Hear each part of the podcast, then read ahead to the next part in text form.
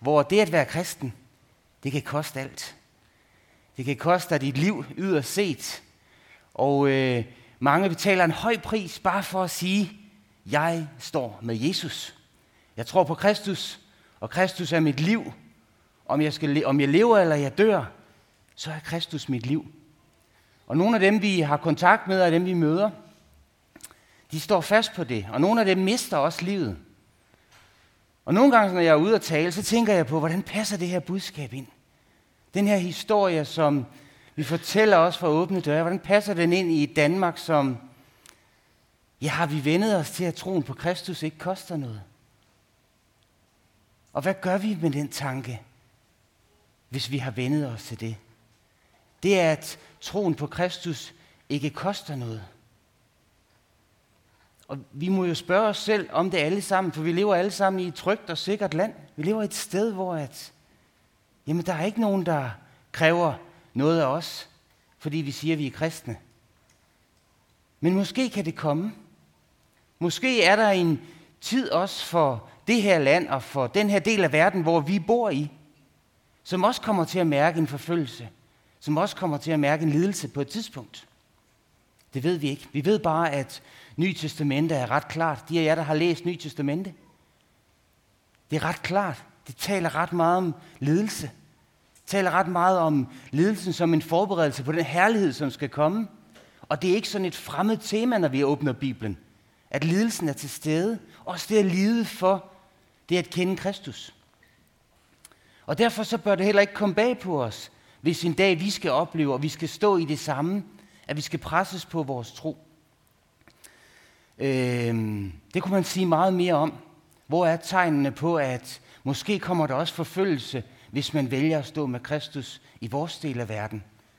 Men det har vi ikke tid til måske at gå så langt ind i. Jeg har lyst til at starte med at fortælle jer en lille historie fra, vi havde besøg fra lederen af Indien, øh, at det arbejde i Indien Open Doors gør der, eller åbne døre, det er det samme.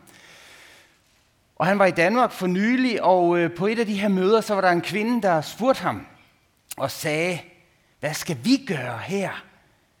Vi som ikke er forfulgte, vi som ikke oplever forfølgelsen her i vores land. Hvad skal vi gøre?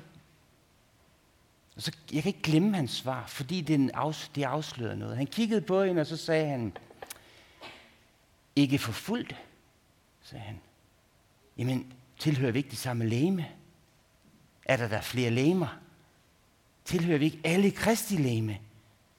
Og hvis vi er et læme, og hvis vi er forfulgte, så er I det også. Og det gav mig lige sådan et øjebliks klarhed, tror jeg. Hvor det gik op for mig. Ja, jeg hører jo sammen med alle mine brødre og søstre. Selvom de er på den anden side af jorden, selvom jeg ikke kender dem, så er jeg i enhed med dem, i en, en stærkere enhed end noget blodsbånd kan gøre. Dem vi er i familie med, så har jeg et stærkere bånd til dem, som er min trosøskende. Og på den måde, så er der en forbindelse fra det liv og den kirke, vi er en del af her, den menighed, som vi tilhører her. Og de mennesker, som må opleve den her forfølgelse, fordi de hører Kristus til, fordi de står med Kristus. På den måde har vi en, en dyb forbindelse til dem. Jeg har valgt et sted og skal læse nogle vers for jer i dag her. Det kommer op her. Jeg ved ikke, om I kan læse med.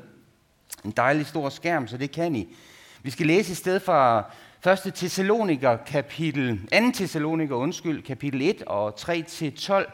Der er lige 10 vers, som Paulus lige zoomer ind på noget omkring det her med, hvad vil det sige også at lide? Og øh, lad os læse det sammen.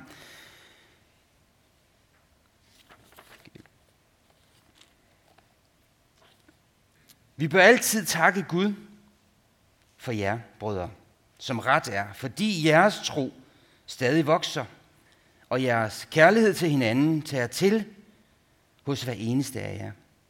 Derfor kan vi selv tale med stolthed i Guds menigheder om jeres udholdenhed og tro under alle de forfølgelser og trængsler, I må udstå. Det er et varsel om Guds retfærdige dom, for at i skal kendes værdige til Guds rige, som I nu lider for. Så sandt som det er retfærdigt for Gud at gengælde dem, der volder jer trængsel med trængsel, og at gengælde jer, der lider trængsel med lindring. Sammen med os, når Herren Jesus, fuldt af sine mægtige engle, åbenbares fra himlen med flammende ild og bringer straf over dem, der ikke kender Gud og ikke lyder imod evangeliet om vor Herre Jesus. De skal straffes med evig undergang, fjern fra Herrens ansigt og fra hans herlighed og magt. Når han på den dag kommer for at blive herliggjort blandt sine hellige og blive hyldet blandt alle, som kom til tro. For hvad vi har vidnet for jer, har I troet. Derfor beder vi også altid for jer, om at vor Gud vil gøre jer værdige til hans kaldelse, og med kraft fylde jer med alle gode fortsætter og alle troens gerninger, for at vor Herre Jesu navn må blive herliggjort i jer og I i ham, ved vor, Herre, ved vor Guds og Herren Jesu Kristi nåde. En tekst, som er mættet med mange ting. Jeg kan øh, se i hvert fald tre ting, som jeg har lyst til at fremhæve fra den her tekst. Måske fire, måske fem. Men det var 20 minutter. Så måske holder vi os til tre. For det første, så siger Paulus i vers 3 her, at vi bør altid takke Gud for jer, brødre, som ret er, fordi jeres tro stadig vokser, og jeres kærlighed til hinanden tager til. Og det er ligesom om Paulus, han starter her, de her vers her. Han vil sige noget mere, men han starter med noget væsentligt. Han siger, jeg takker, fordi jeres tro, den vokser. Og jeg takker, fordi jeres kærlighed til hinanden, den tager til. Som Paulus siger her, at der er noget enormt afgørende for, om vores tro kommer til at bestå, også igennem det, som kommer. Også igennem det liv, vi kommer til at leve, hvor vi kommer til at møde rigtig mange ting, måske også lidelse, måske også forfølgelse. Så er der et fundament her, der hedder, at jeres tro vokser. Takker, fordi jeres tro vokser. Og jeg takker, fordi at jeres kærlighed, den tager til til hinanden. Og måske er det på en eller anden måde et, en overgang og en forudsætning for det, Paulus han næst siger her i de her vers i 4 og 5. Han taler om at være stolt af dem. Derfor kan vi selv tale med stolthed igen i Guds menighed om, at jeres udholdenhed og tro under alle de forfølgelser og trængsler, I må udstå.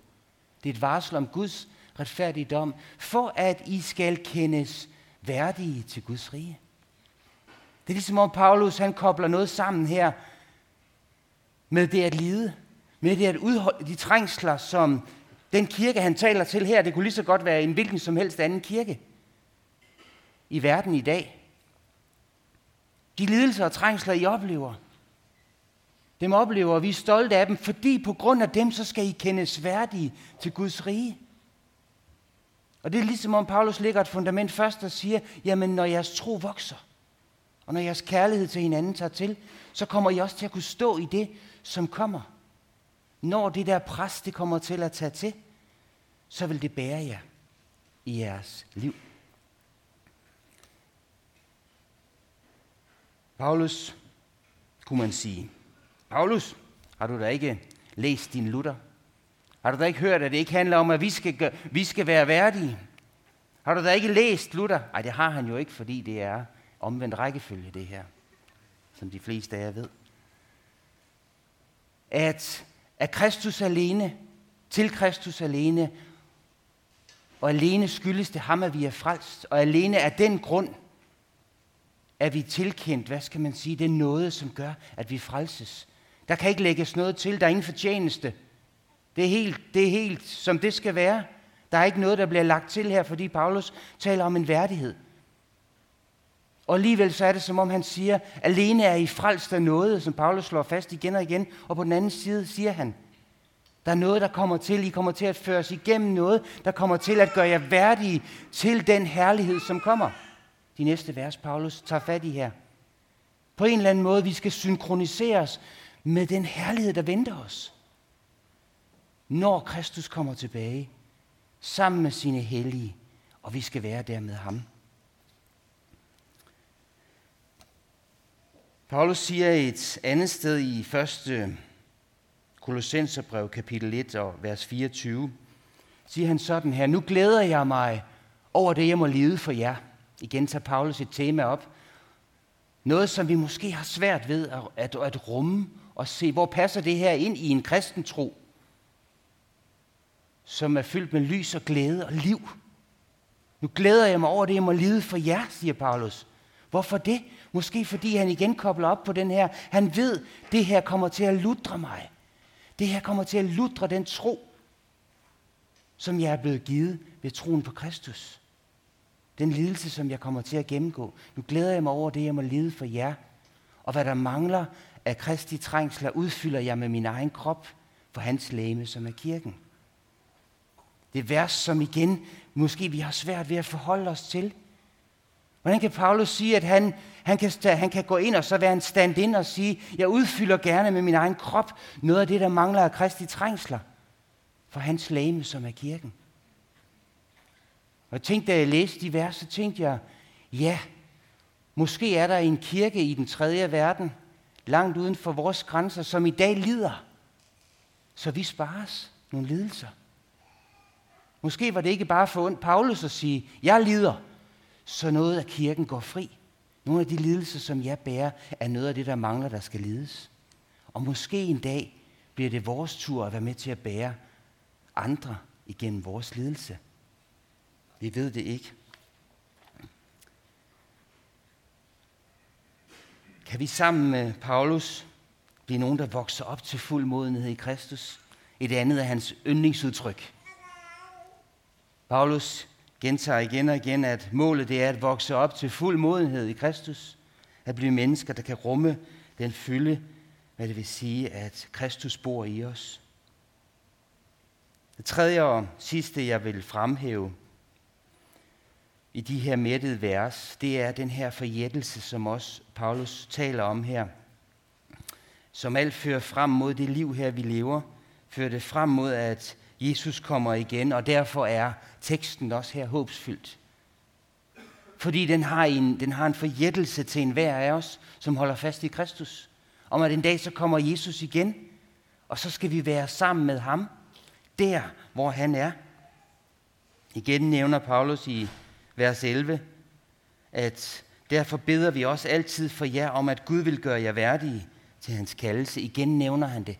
Bed om, at Gud må gøre jer værdige. Bed om, at I må leve et liv, som vil gøre troen, vil gøre jer værdige til at stå den dag, at blive synkroniseret med den herlighed, som kommer. Så de her mættede vers, der har jeg blot taget nogle få ting frem, men jeg tror, at på en eller anden måde, så bygger Paulus et hus, at vi kan bo i, i de vers, han siger her.